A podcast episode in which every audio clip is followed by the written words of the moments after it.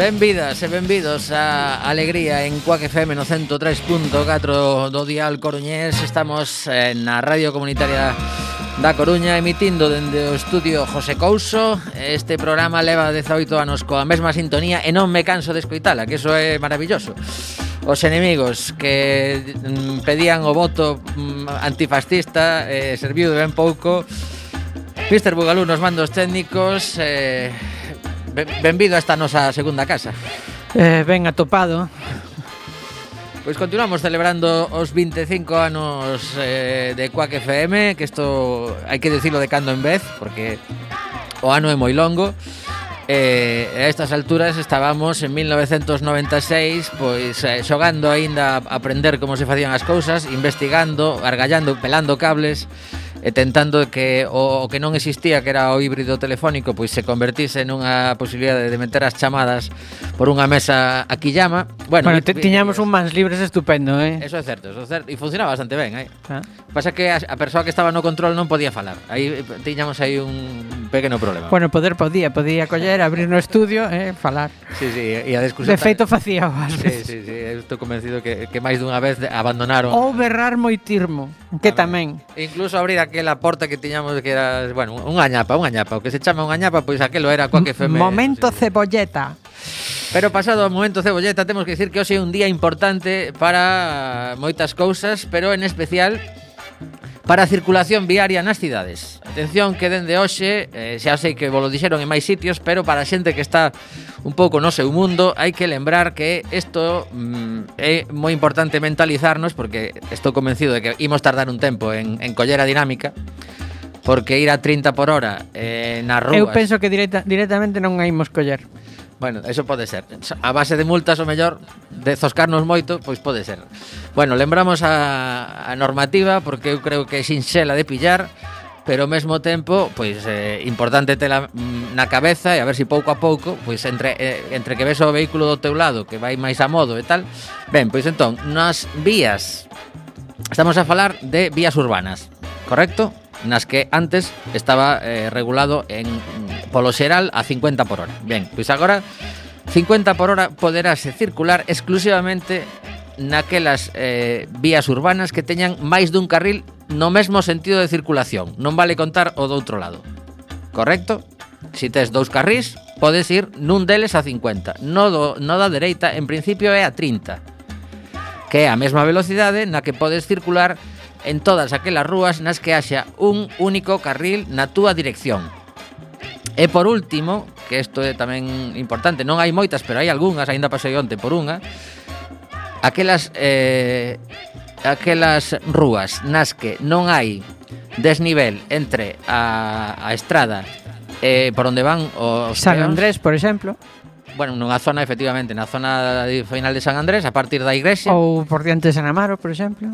Pois aí hai que ir a 20 por hora, que dirás ti, pois casi non se avanza. Efectivamente, é difícil manter o vehículo aí con esa tal, pero bueno, isto todo en cuestión de afacerse e sobre non todo... Non collas o vehículo. Tamén outra opción, pero en caso de precisalo, pois que saibas que, que hai que baixar o ritmo E, por suposto, sair un pouquiño antes de casa. Temos que mentalizarnos de que, evidentemente, se imos baixar o ritmo todo o mundo e, ademais, tendo en conta que os semáforos, posiblemente, vailles levar un tempo adaptalos a esta nova velocidade, e seguramente a 30 por hora pillaremos moitos máis, porque na ronda do Outeiro, por exemplo, eh, está bastante ben regulado, se si colles un, vas bastante tal, que pasa que aí segue a 50. Se xa a bici era o medio de transporte máis rápido para distancias de menos de 8 km ou de, sí, de 8 km, penso, o, lem, creo lembrar, ou 10, pero vamos, nesas distancias, agora claro. moitísimo máis moitísima máis a vantaxe. Aí está despois entra o factor eh, digamos pelexar coa chuvia e, e non hai que aparcar. Bueno, hai que, hai que deixala en algún sitio, eh, ben, ben amarrada. Sí, porque... pero non hai que aparcar. Claro, aquí a, a cousa tamén hai que recoñecer que eu son moi fan da bici e collo a sempre que tal, pero tamén é certo que cando cando vexo temporal evento non a collo.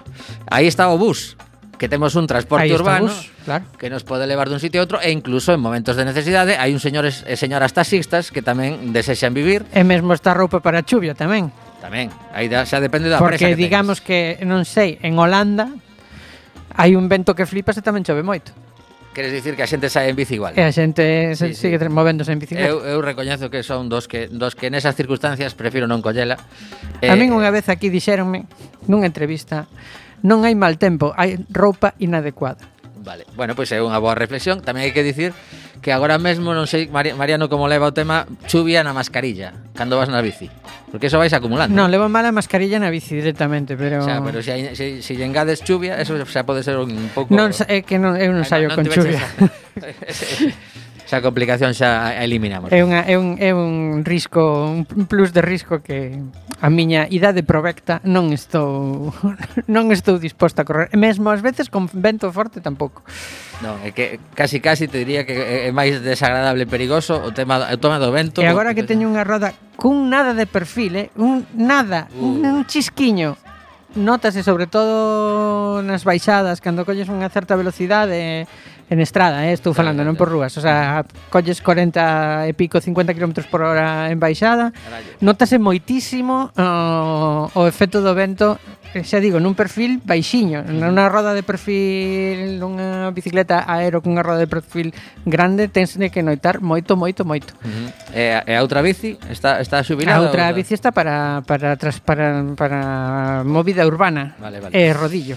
Moi ben, bueno, pois eh, neste inicio de programa Non sei se Mariano se quere atrever a, a facer algún tipo de reflexión sobre o mundo Madrid Ou o deixamos aparcado Bueno, a ver, era un pouco era un pouco o previsible, non? O sea, eh, capitalizou Ayuso todo o desplome de Ciudadanos eh, e, o, que, o que retrocede é o, o, o, teori, o teórico espazo de centro, non? Que sei que non era tan de centro non? Eh, postos a decidir, tiraron para un lado. Claro, postos a decidir, o centro dereita decidiu que prefería unha dereita moito máis extrema, porque hai que, hai que decatarse que o salto o salto a dereita de Ayuso foi brutal, non? Foi un salto a dereita moi moi grande. Para min eh, Eu creo que non sei se a xente tiña esa sensación. Para min a convirte en indistinguible de Vox E, por outro lado, oh, pois Ángel Gabilondo estaba por, por, por lo que fose amortizadísimo, seguramente pola oposición que non fixo non pola que fixo, porque que non se coñece esa é a tristeza. Claro, non, non sabemos que eh, hai que hai que dicir que estamos a 600 km, non sabemos se si é que eh, non sae nos medios o tipo de oposición que fixo na Asamblea de Madrid ou simplemente que non a fixo. É que fixo unha oposición de un perfil tan baixo que que ante a, a routada permanente de Ayuso foi completamente invisibilizado e de feito, aínda que Mónica Nunca nunca sí, topo sí. cal de apellido García. Creo, creo que sí. Anda que Mónica García tampouco é que sexa uh, fixera unha oposición terriblemente agresiva, polo menos sí que eh, conseguiu que se lle vira. Eu sinceramente quedome moito coa reflexión e recomendo moito un artículo que escribiu Santiago Albarrico O fillo de Lolo Rico, para ah, máis señas mira. Que eh, eh, que, que en di no diario público, público sí, bueno, eu, eu lino, eh, catedrático de filosofía pola Complutense entre outras moitas cousas eh, que, que fai un análise arrepiante eh, tanto polo lúcido oh, que mm, que é como por como polo desafío que, que afronta, porque el falaba de que em, de que a dicotomía real que subxace aos momentos actuais non é tanto o que planteaba Ayuso de comunismo ou liberdade, nin o que planteou a, a outra parte que foi o de fascismo ou liberdade, senón que a, a disyuntiva non entre que a que nos atopamos é democracia ou liberdade, que é arrepiante realmente eh, porque ademais eso leva a un a, a manexar variables moito máis complexas e eh, moito máis difíciles de, de de deslindar, porque obviamente todos queremos ser libres, pero uh, o límite desa liberdade ten que ser precisamente a democracia, non? Para que a liberdade de, un, de uns non sexa opresión de outros, pero quero dicir, xa é unha cuestión de de fiar moito máis fino nun momento no que vemos que eh, a brutalidade de, conceptual pois pois é o que manda, non? Eh, estamos vendo que quen berra máis forte, quen golpea máis duro é eh, quen está levando o gato auga nas convocatorias electorais. Sí, eh, por último, engadir, antes de, de poñer un poquinho de música para, para bailar, porque esta mañá levanteime con esta canción e a, a teño na cabeza, dicir que, que o tema do, do comunismo, da, da queima das igrexas, tal, está, está completamente agora mesmo instaurado nesta xente, porque onte mesmo, flipa, estaba eu lendo unha crítica a un libro que fala do século XV E a persoa criticaba o autor porque, segundo ela, facía nas últimas páxinas unha reflexión que eh, culpabilizaba unha parte da, das persoas pero eh, metía polo medio que, a igre, que a, o comunismo, a igrexa, a queima dos libros de tal O sea, que xa, xa o teñen para todo. A ver, é unha especie de delirio tremendo. Non, eu sempre digo máis ou menos o mesmo que eh, se o marxismo é unha enciclopedia o fascismo é un folleto dunha cidade de vacacións, non? O sea, Pero como a construción intelectual sen entrar moito en cousas moito máis profundas, non? Simplemente eh, que unha cousa é unha teoría filosófica e económica enorme con moitas derivadas e cun desenvolvemento longo de séculos, non? E a outra cousa Pois é puro populismo hipernacionalista con pouco con pouco máis percorrido, non? O sea, que que rouba moito, que rouba moito de outras cousas, non? Vai vai roubando conceptos de outras de outras teses políticas ou filosóficas, pero que ten moi pouca entidade, non? Como, como tal, ten moi pouco uh -huh. ten moi, moi pouco peso. E, e logo que toda esta xente que critica o comunismo descoñece, eh, obvia, por, polo menos o, o, os últimos 50 ou 60, ou 70, dos anos 60, o, o comunismo nos países da Europa Occidental, non? Quero dicir, eh, o comunismo democrático. Non? O sea, é como que se non tivera pasado, eh, o fascismo democrático está por ver Eh, se se desenvolve ou non. O sea, eu penso que é moi difícil precisamente por, por esa febleza estrutural que ten, non? O fascismo, que non é unha ideoloxía, o sea, se non é autoritario, deixa de ser clase, case automáticamente fascismo, non? Por iso se fala sempre de que para ser de, demócrata primeiro hai que ser antifascista. Igual que o autoritarismo uh, é unha parte esencial do código xenético do, do fascismo, pois eh, está eu penso que máis que comprobado que non é así no caso do comunismo porque uh -huh. non hai que esquecer que había comunistas asinando a nosa Constitución, por exemplo. Pois sí. E non só a nosa. Sí, as frases, as frases que, que soltou o Partido Popular de eh, se nos chaman fascistas e que estamos no lado bo, está claro que Eso se sustenta, claro. se sustenta sobre todo nun eh, que é a parte seguramente unha das partes máis terribles, non da ecuación que se sustenta sobre un enorme, enorme, enorme colchón de ignorancia. Pois sí, eh, bueno, eh, iso, un pouquiño de música para, para presentar despois a, a entrevista que fixemos a unha compañeira de Coa que ten un proxecto ben chulo e queremos que non lo conte. Así que escoitamos a, a grandísima Chrissy Hine ao fronte de Pretenders con este Middle of the Road. E, e, mm, ponte de pé e baila un pouquiño, xa verás como te leva, te leva. E que guitarrazos, que, que, que, bueno, bueno, bueno, que traballo de guitarra. Dalla aí in the Middle of the Road, que isto foi un dos temas... Mm, grandes, grandes de Pretenders. Bueno, sí, quere,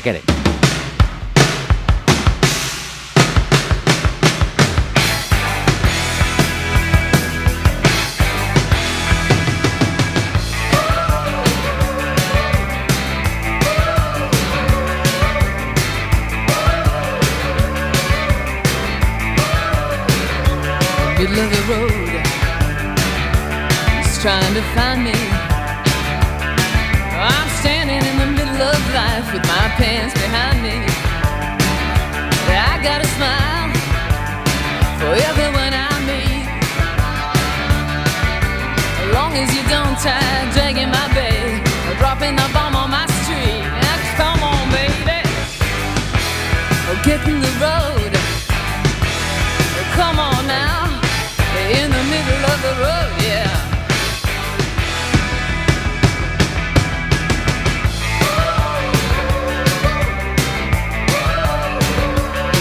the road.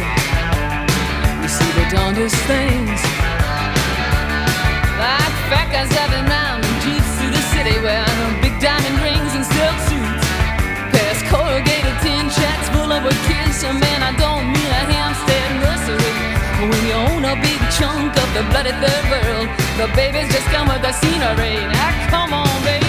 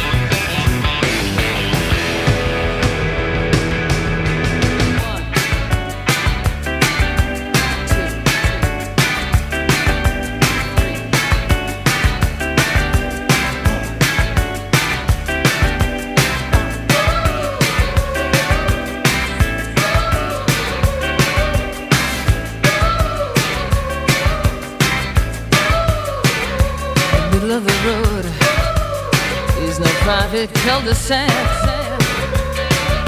I can't get from the cab to the curb without some little jerk on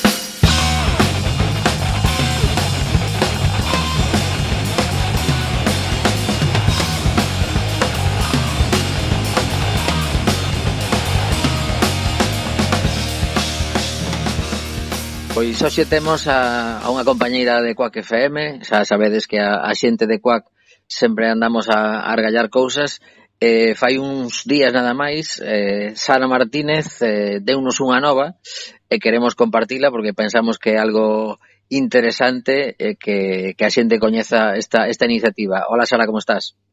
Hola Tomi, que tal? Pois nada, aquí con, con gañas de que nos contes este proxecto que parte un pouco do, do teu traballo de fin de grau, pero ten, ten pinta de dar moito xogo, non? Sí, bueno, así é. Eu estuve rematando a carreira de xornalismo en Santiago. Entón, eu cando, cando tiven que comezar co traballo de fin de grado, pois estaba bastante rayada, como penso que nos pasa a todos. E quería facer algo que, que valese a pena, non que, que non fose un traballo para, para lograr o título e xa, senón que fose o que eu quería facer o día de mañá. Eu quero ser xornalista ambiental. Entón, xurdiu a idea, eh, está dando moitísimo, moitísimo traballo, pero bueno, está tendo tamén os seus frutos.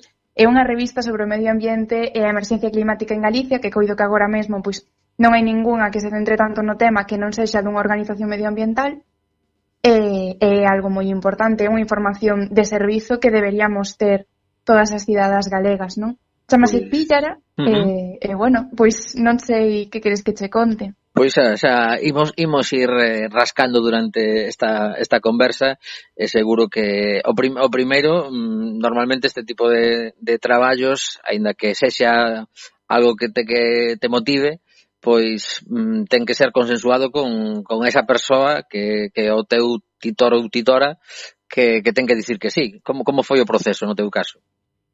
Bueno, no meu caso eu escollín unha editora que non coñecía previamente, escollina porque é moi boa no tema do deseño de revistas e de xornais e así, eh, collina por iso, pero nunca me dera clase. Entón, bueno, a comunicación non sempre é doada porque opinamos distinto e queremos cousas diferentes. E, e igual é unha idea moi rompedora, non? O de facer unha revista que, pois, se non hai algunha, será por algo. Xa eh, hai un pouco mm, brecha xeracional, o mellor, pero bueno, en xeral vai todo vai todo ben, aínda cos máis e cos menos que sempre hai nunha redacción e en nun proceso de creación dun proxecto, penso, pero bueno, polo demais non teño colaboradores, entón ao final son eu sola, e para ben e para mal, ao final as decisións tomas eu. Uh -huh. eh, en principio, supoño que tes un, un período para, para levar a cabo un, un proxecto que, que despois tes que defender. Non, non sei se si, si tes todo de algún xeito planificado, marcado un, un ritmo de traballo. Eh, contanos iso. Sí, pois, eh, bueno, en xornalismo concretamente, ou este ano tamén polo tema da pandemia, as datas son un pouco diferentes a outros anos, pero temos que entregar para a segunda convocatoria, que agora en, en xuño, xullo, temos que entregar xa o 1 de xuño o, o traballo para poder presentalo en xullo. Quer dicir que aí hai un mes que, que se comen, que non ten moito sentido, pero bueno, está aí un mes no medio. E, e a miña intención é presentalo aí, de feito, o primeiro número de Píllara é o do equinoccio de primavera barra solsticio de verán, porque vai quedar un pouco entre medias. E, pero, bueno, a idea de Píllara é que saia unha cada, cada estación do ano, porque coido que é bonito. Uh -huh. eh, entendo que a túa intención non é sacar unha tirada en papel. Isto como, como vai ser? Como vai chegar á xente? Pois anunciarei non polas, polas redes sociais da revista que teño Facebook e, e Instagram. E, de, de feito, teño pensalo anuncialo esta semana ou a que ven, entón vai ser isto unha exclusiva en Alegría. Mm, bueno, pero... Pues...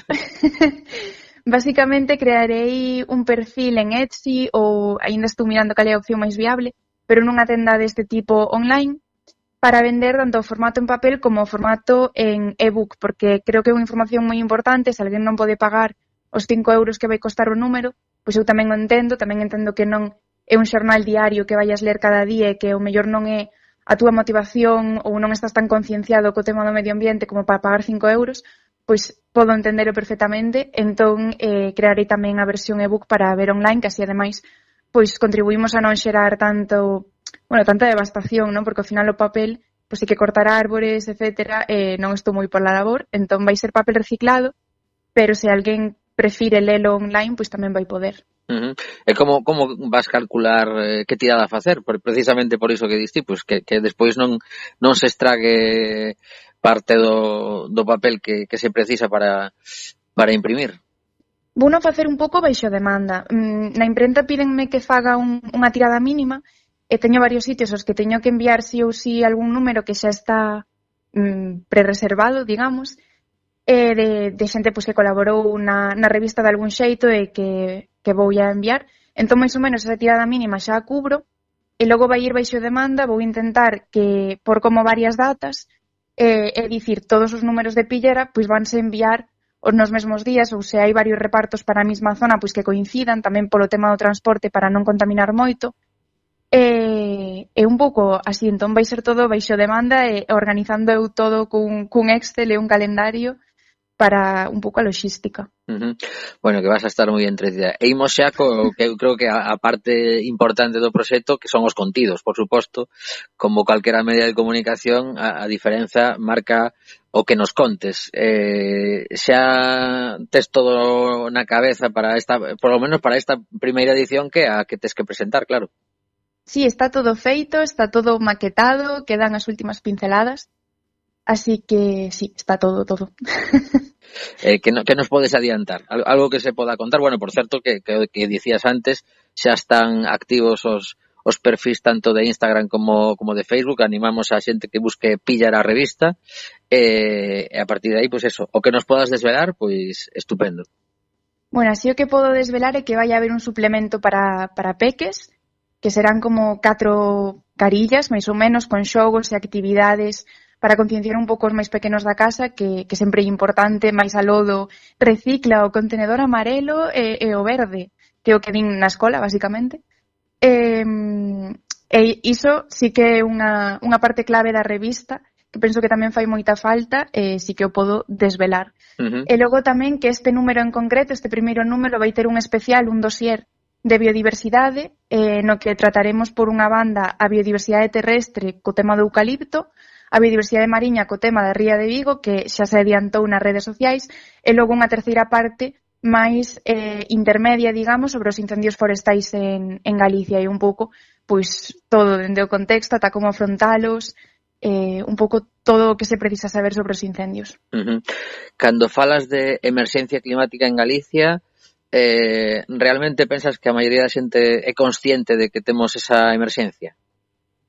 Penso que igual é unha cousa, un termo, quizá un concepto un pouco xeracional, e sí que hai moitas persoas novas que igual sí que empregan ese termo ou o coñecen, e sí que, que o admiten, e penso que cada vez hai máis xente concienciada, incluso persoas máis maiores, pois que igual non coñecen ese termo e chamanlle de outro xeito ou non lle chaman de ningún xeito, pero sí que son conscientes cada vez máis de que hai un problema, non? E penso que a pandemia puxo non evidencia, igual, pois iso, hai moitas persoas que, que non ven unha relación eh, sempre vai haber alguén que non, que non a vea, pero, pero hai moitas outras que sí que se están dando, que sí que se están percatando. Eh, bueno, veremos, a ver se, se podemos aportar o noso grau de arena dende Pillara, pois perfecto. Uh -huh.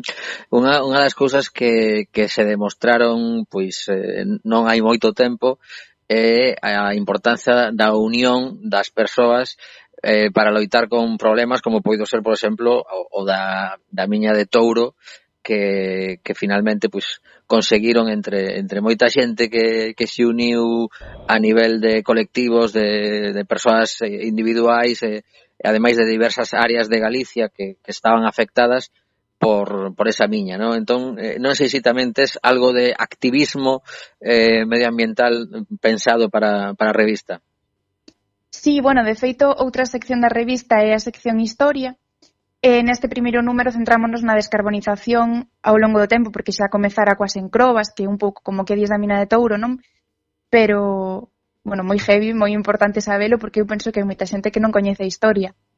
E, e pareceme moi bonito como cando queremos podemos unirnos eh, transformar as cousas, non? Ou polo menos deixar claro que queremos transformalas. Uh -huh. Eh, si, sí, o activismo pareceme moi importante. Eu concretamente son activista en Greenpeace Galicia E, e isto é algo que moita xente non entende, como como pode ser xornalista e activista a vez, ou, Dios mío, a, a objetividade onde vai, pero realmente a objetividade nunca existiu, entón, eh, dando eso por feito, pois, eh, é moi posible. Eh, dentro do xornalismo ambiental hai dúas vertentes, non que son a dos xornalistas comprometidos e os non comprometidos, ambas plenamente válidas, por suposto. Eh, eu encadrome na de xornalistas comprometidos eh, bueno, aí non calquera área xornalística, pero neste caso concreto, pois con medio ambiente. Uh -huh. Entón, sí, hai activismo porque é unha base mm, fundamental, penso, do, do xornalismo e sobre todo do medio ambiente. Eh, mm, seguramente tamén chegarás a algúns temas destos delicados nos que hai moitísimos intereses económicos que, que vas topar con, con muros que serán difíciles de, de derrubar ou polo menos de atravesar por, por algún sitio. Non sei se xa tiveches algunha experiencia desas de neniña non rasques por aquí. Sí, penso que sempre no xornalismo moitas veces non, non hai nin que ser xornalista para que pase, non? Pero dende o xornalismo pois pasa moito. Realmente eu tiven a sorte de, de contactar con persoas mm, pois moi cercanas e e que me atenderon super ben, pero sí que para o tema dos incendios, por exemplo, interesábame tamén coñecer un pouco e para o tema dos eucaliptos a versión da Xunta de Galicia eh, non foi posible porque non querían falar do tema de ningún dos dous. Entón non houbo presións en plan non fales disto, non saques isto, polo menos de momento, pero tampouco se me deu a información que solicitei e, eh, e xa non como cidadá que tamén tería dereito a tela, senón como xornalista. Entón, bueno, sí, hai presións, hai bloques de cemento, eh, a base de turrar e eh, de pico e pala, pois iremos sacando as cousas. Uh -huh. E voltando a, quizáis a, ao principio de todo isto, eh, que é a túa carreira de, de xornalista, que nos eh, que, que agora que estás rematando, que, que te quedas de, de, do que escoitaches na, nas diversas asignaturas, eh, un pouco a sensación da, da importancia da profesión e ao mesmo tempo do, do que mm, de algún xeito temos a sensación, eu creo que, que moitas persoas, de como está todo tan polarizado e o difícil que debe ser eh, acabar nun medio determinado e saber que hai unha liña editorial que marca todo e que ao final a túa independencia ou ganas de contar vai depender un pouco do, do medio no que estés. Sí, pois é unha pregunta moi interesante, de feito. É, é moi difícil, eh, penso que o que me levo destes 4 anos ou o coñecemento non que me levo pois é, por un lado, precisamente iso das liñas editoriais e que a objetividade como tal non existe, pero porque non existe ningún ido da vida e ninguna persoa é 100% neutral.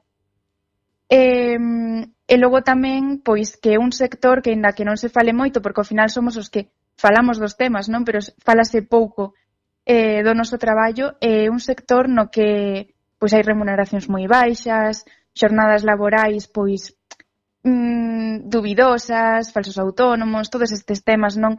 que se falan en moitas profesións e que, e que hai que loitar contra eles, e no xornalismo pasa moi, moitísimo en España.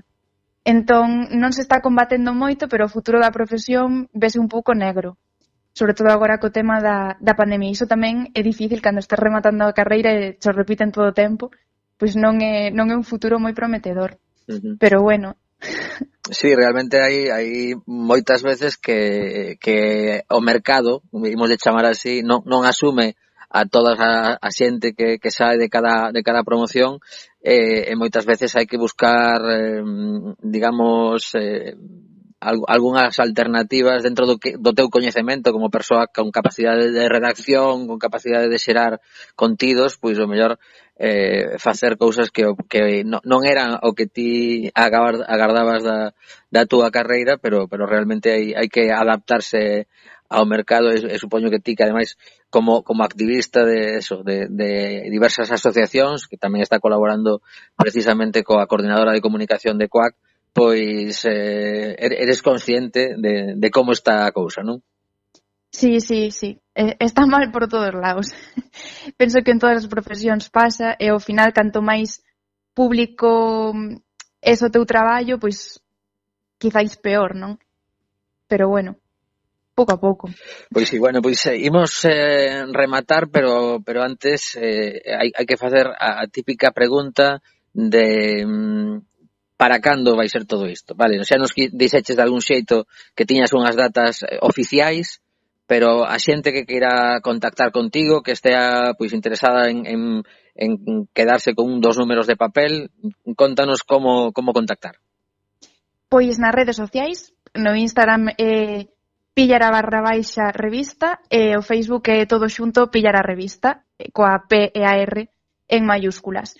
Eh, por Instagram, por Facebook, como prefira a xente, se queren nas miñas redes persoais, pois tamén se pode eh, realmente estou aberta a calquer tipo de contacto, colaboración ou calquera tipo de crítica, incluso sempre que sexa constructiva ou de mellora, sabes? Consellos de mellora.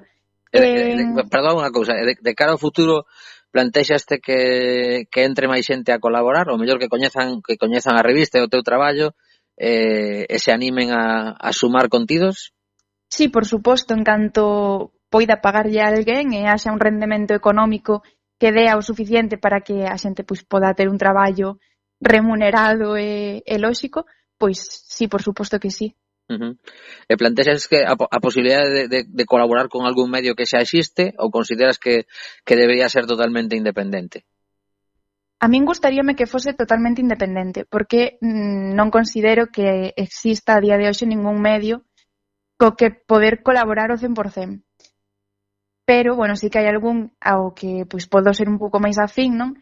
E que sí que sei que igual poderían tentar mudar por ese lado ou poderían tela como bueno, como é o caso de Ballena Branca en el diario.es, non? Que está vencellada, non é do diario, pero, pero sí que ten unha sección no xornal e así, e a iso sí que estaría disposta. Uh -huh. Pois nada, queda aí para se alguén nos escoita que, que teña algún medio que no que no que pense que este proxecto pode encaixar, pois que contacte con, con Sara. Eh, nada, aquí en, en Alegría, en Coaque FM, xa sabes que esta, estaremos moi atentas a, aos teus movimentos eh, e pensamos ler con, con agarimo o que nos contes porque seguramente hai moitísimo que aprender. Eh, eh, Galicia é unha desas eh, desas terras nas que o, o a diversidade é absolutamente fascinante. Eh, o gallá saibamos eh, aprender do que nos contes e de moitas outras fontes tamén eh, e coidar todo isto que é fundamental. O gallá. Pois pues nada, Sara, moitos bicos e, e moita forza e, e bueno, que haxa boa nota tamén ao final do proxecto Graciñas, co. Veremos, veremos. agardamos que sí, bueno, unha aperta forte, chao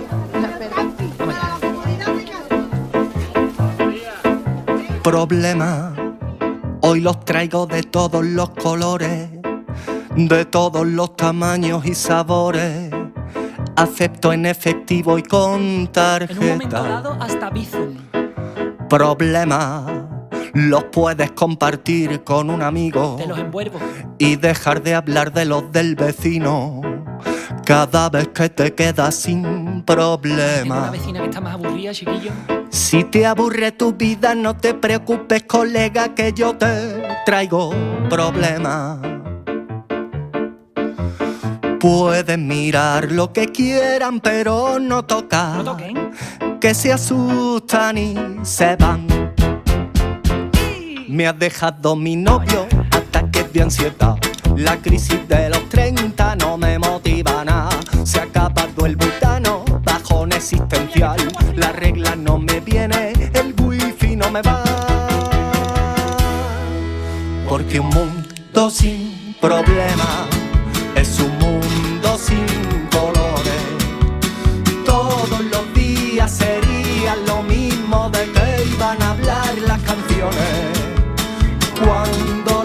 problemas llegan, mejor canten y no lloren. Que en una vida sin problemas, los problemas son soluciones. Problema, si quiere sorprender a su cuñado. Sorprender. Se lo puedo envolver para regalo. Los de familia los tengo en oferta. Problema.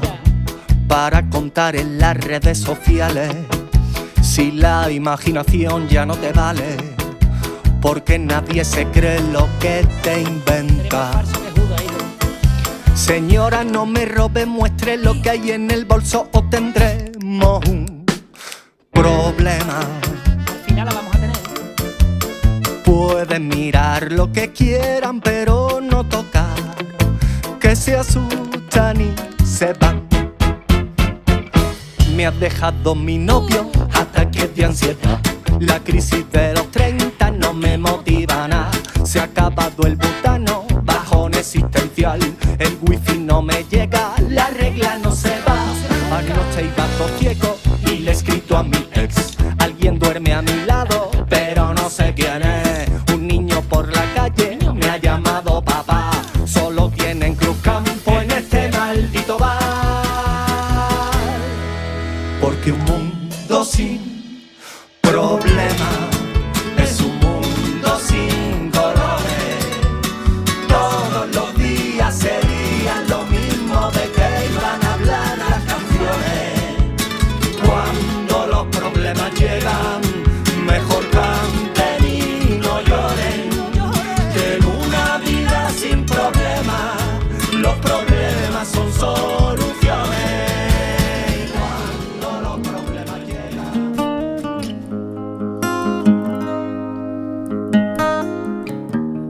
cantaba era El José.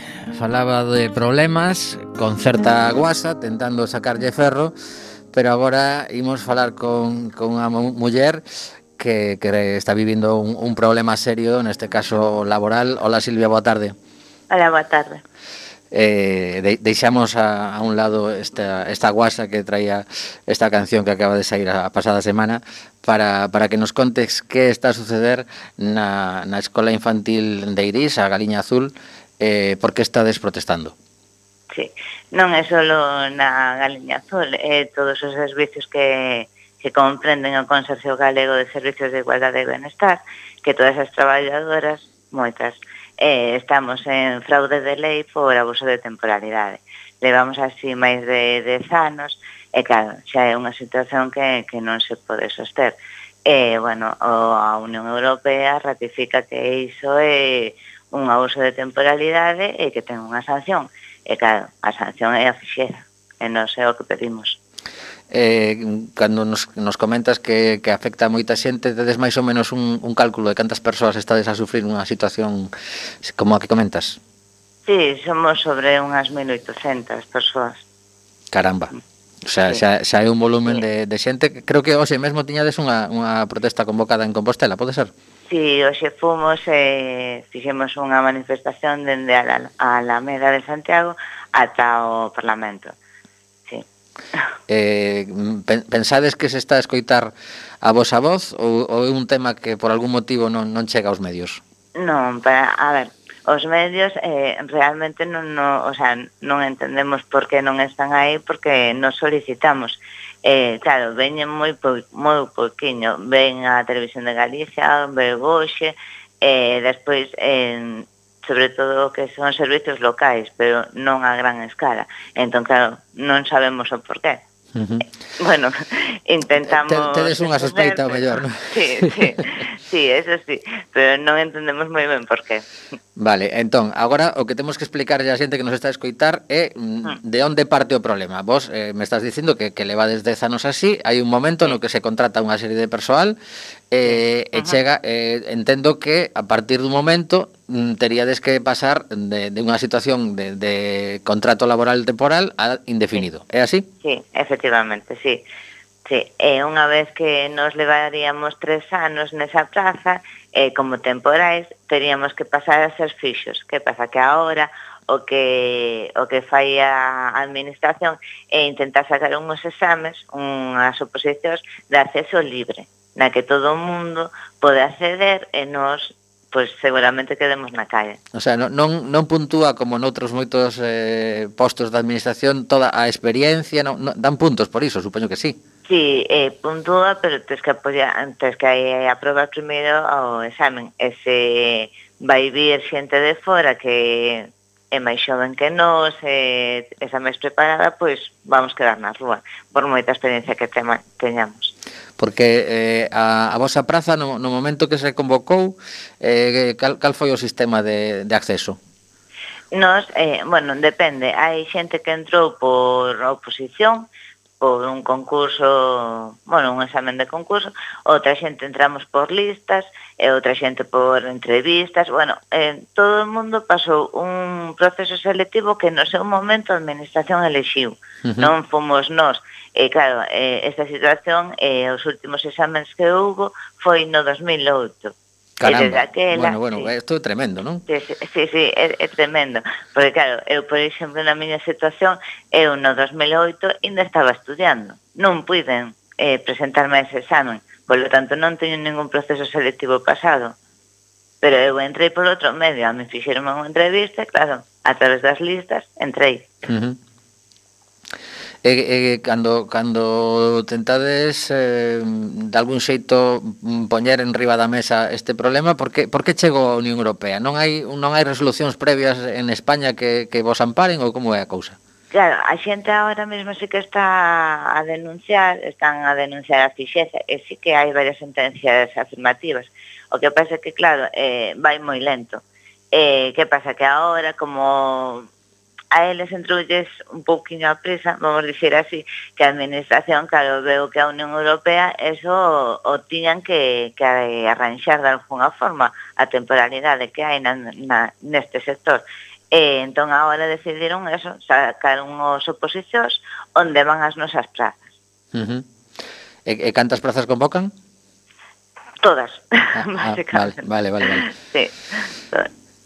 Ou seja, que a, a curto prazo mm, ten mala pinta a, a situación, non? Sí, sí, sí. A verdade é que eso, que nos, claro, nos vemos nunha situación que, que bueno, en tanto pode ser nun mes como pode ser en cuestión de tres anos, mm, podemos quedar na rúa. E levamos dez anos facendo un traballo que, que é o pilar da sociedade. Uh -huh. Porque non é só os nenos, os maiores, son moitas claro. moitas áreas que que cumprimos. Sí, porque nos, eso, estamos falando contigo que, que estás nunha escola infantil, pero sí. pero un problema que, que chega a, a diversos eh, ámbitos educativos, non? Sí, sí, sí, porque nos, bueno, somos da escola infantil, pero tamén eh, nesta, neste conxunto do consorcio están os centros de maiores, os centros de inclusión, hai, hai varios sectores. Ajá. Porque sempre foi eh, ese, ese consorcio eh, Ajá. o, que, o que fixo os vosos contratos ou durante este período de, de, de 10 anos, como nos comentas, ou once, incluso máis, eh, houbo, houbo outros eh, organismos polos que estabades contratados? Non, non, non, sempre foi o mesmo, o Consorcio Galego de Servicios de Igualdade e Benestar. Ajá. Mm. É, é, é curioso que, que neste caso, nun, nun tema o que dicías ti tan, tan importante, son os primeiros anos sí. de vida escolar de, de, pers de personiñas que supoño que daría para, sí. para falar moitísimo da, da vosa relación con, con eses peques eh, sí. que non, non dependades da Consellería de Educación. Ya, sí, sí. É outra cosa que, que nos tampouco entendemos moi ben, pero claro, é que eh, non se considera obligatorio. Uh Entón, como non é unha escolarización obligatoria, non nos consideran educación. Caramba, entón, e, e quen podería presentarse a esas oposicións? Entón, calquera, calquera que teña un, un título... Sí, sí, sí, sí. Eh, calqueira persoa que este na universidade, que teña, pois, eh, as bases ainda non saliron, claro, pero todo aquel que posee un título que se poda presentar á praza, poderá acceder a esos exames. Entón, claro, é unha situación que nos non vemos xosta. Porque eh, non hai ningún tipo de... Li, bueno, ao, ao mellor aínda non se sabe porque non está feita a convocatoria, hmm. pero temedes que non se faga unha limitación a persoas que teñan algún tipo de especialización para, para estar con, con eses peques? Claro, nos imaginamos que sí, porque, claro, eh, para traballar con, como nos, tens que posuir a, a titulación de técnico superior en educación infantil ou magisterio ou pericultura ou xardín de infancia pero nos supoñemos que sí que pasa que claro non, non é unha cosa que podo che dicir porque non non saiu a convocatoria. Esperemos que sí, porque senón xa sería o que nos faltaba, xa, xa, xa. que pidera entrar calquer persoa. Sí, non, non tería ninguna lógica. Sí, eh, eh claro. Falándonos un pouco do, do voso día a día, porque sí. Eh, entran entran eh, con, con que idade? a partir dos tres meses, catro, catro meses. Mm. Caramba. Eh, esta, catro meses eh, ata, ata os tres anos. anos sí. Pero eso é de tolos. É, é, é de tolas, ou non? Non, a verdade que non, é non. un traballo moi satisfactorio, a verdade que sí. Cantas cantas eh, rapaces e rapaces tedes no, no vosso centro? No noso centro temos plazas ata 80. E cantos profesores? O sea, como, como estáis organizado? Por idades, por... Claro, por, por, temos... por número de, de, de peques na aula? Sí. Non, temos eh, dúas aulas de cada nivel, é dicir, eh, dúas aulas de 0-1 anos, dúas aulas de 1-2 e dúas aulas de 2-3. En cada aula eh, temos parexa educativa, que eso tamén é moi importante, reforzar para reforzar a ratio, eh, e, bueno, é moito máis mm, bonito, é moito máis especial ter dúas persoas aí traballando que, que unha persoa sola. E despois eh, a ratio eh, é de 0,1, que son os bebichos, eh, son oito nenos por cada aula, uh -huh. como máximo, eh, de un, dous, trece nenos, eh, de dous, tres, vinte. Ajá. E ti con cales estás agora? Eu cos maiores ahora mismo. Eh, eh, eh, que, que, que, que sorpresa levas cada día para casa? Es, es, esas frases que son que dirías ti, pero eu teño que estar apuntando todo isto. sí, sí, a verdade é que sí, é moi curioso. É, é un trato moi, moi bonito. É, a ledicia con que te reciben todos os días, o, o amor, o apoio. Bueno, son cousas que, que nunca podes... O sea, por moi enfadada que estés, por moito que a situación non, non está sendo doada, eles sempre te saca unha sonrisa. Uh -huh. Eso é o bonito do noso traballo. Mm. Pois sí, ten que ten que ser sí. eh, unha experiencia, ademais sí. cada un coa súa personalidade. Sí, sí, eh, sí. eh, eh unha das preguntas que que se orden é mm, se si nesas cidades tamén hai de alguna forma eh mm, ou, ou non ou non chegan aínda a facer eh, algún tipo de bullying. Mm, a ver, eh, non, non é como tal, porque, claro, nós tamén estamos moi pendientes deso. Eh, sí que máis ben unha situación de que sí que tens que fomentar eso, que todos xoguen con todos, que, que bueno, que se coñezan entre eles, por moito que seas máis introvertido, máis, máis extrovertido, ao final sí que, sí que se van agrupando. Son mm, nenos que realmente non teñen malicia eh, o que os nenos, eu penso, eh, para a miña opinión, uh -huh. os nenos o que aprenden cando se, se volven eso, en plan, pues vamos separar a este ou vamos tal, eso é o que, bueno, se, se lles ensina. Eh, nestas edades realmente non hai moito. Eu, o sea, non podo dicir, vin un exemplo claro, non, Non, sei que hai nenos que son máis de xogar, máis soiños, máis queren un pouco máis de, de independencia, e outros que non, que son a grande grupo e tal, pero sempre hai algún que tira do grupo e, e nos tamén fomentamos eso, claro está, porque o, o bonito é estar todos xuntos e, e ser todos amigos, como lles decimos, claro. e que nos queramos todos. Pois pues sí, eso, eso é moi importante, esa, sí. esa palabra de, que, de como nos queremos hai que hai que dicila sí. moito. E, eh, eh, bueno, agardo que, que esa, esa enerxía que recibes cada día pois pues, vos sirva para, para seguir loitando porque evidentemente é un, é un traballo tremendo. E non sei se si, si tedes algún tipo de obxectivo de que cando rematen con tres anos antes de pasar a, a educación que xa xa está máis reglada eh, teñen que ter un mínimo coñecemento de algo ou, ou aínda non? Non, nós o que traballamos moito é sobre experimentación e explotación. Eh, o que queremos é que vexan un pouquiño a eso, eh, que experimente, que xoguen, que mm, unha froita non é solo para comer.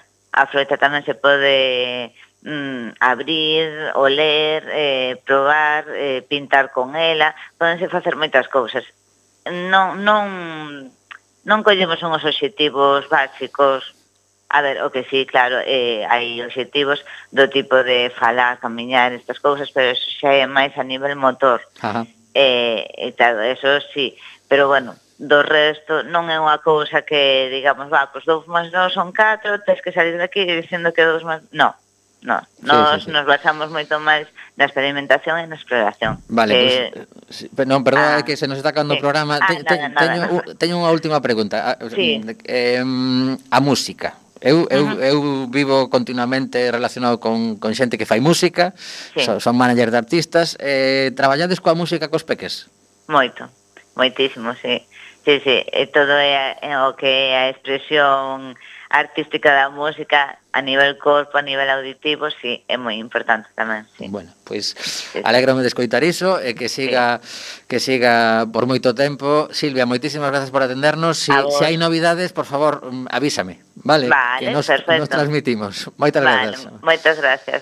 Pois eh, pues, remata xa o alegría un día máis. Sabedes que estamos a piques de deixar a emisora, pero que chegan os compañeiros de compañeiras de recendo E hoxe trouxen unha desas cancións que, que escoitei de, de pequeno e xa non sei cantos anos ten disto, pero me pareceu desos que dis, joder, que, que currada esta canción, verdad, Mariano? Le, lembras aí a Bruce Horby and the Range con The Way It Pois sí, pero non éramos tan pequenos, eh? No. Que temos máis anos cun bosque. Ah, bueno, pode ser. Sí. Que, que ao mellor tiñamos 17, 16, sí, bueno, non claro, sei. non tan pequenos. Bueno, chega ya, ah, xa, xa. Bueno, que a vindeira semana estaremos aquí, pasade un bo día das letras galegas e ollo ao que está a pasar tremendo o de Afganistán. Se chega a pasar en Estados Unidos a matanza das, das nenas saindo do colexo 85 nenas faleceron. Eh, o de Colombia tamén é tremendo pero queda para outro día. Apertas, chao.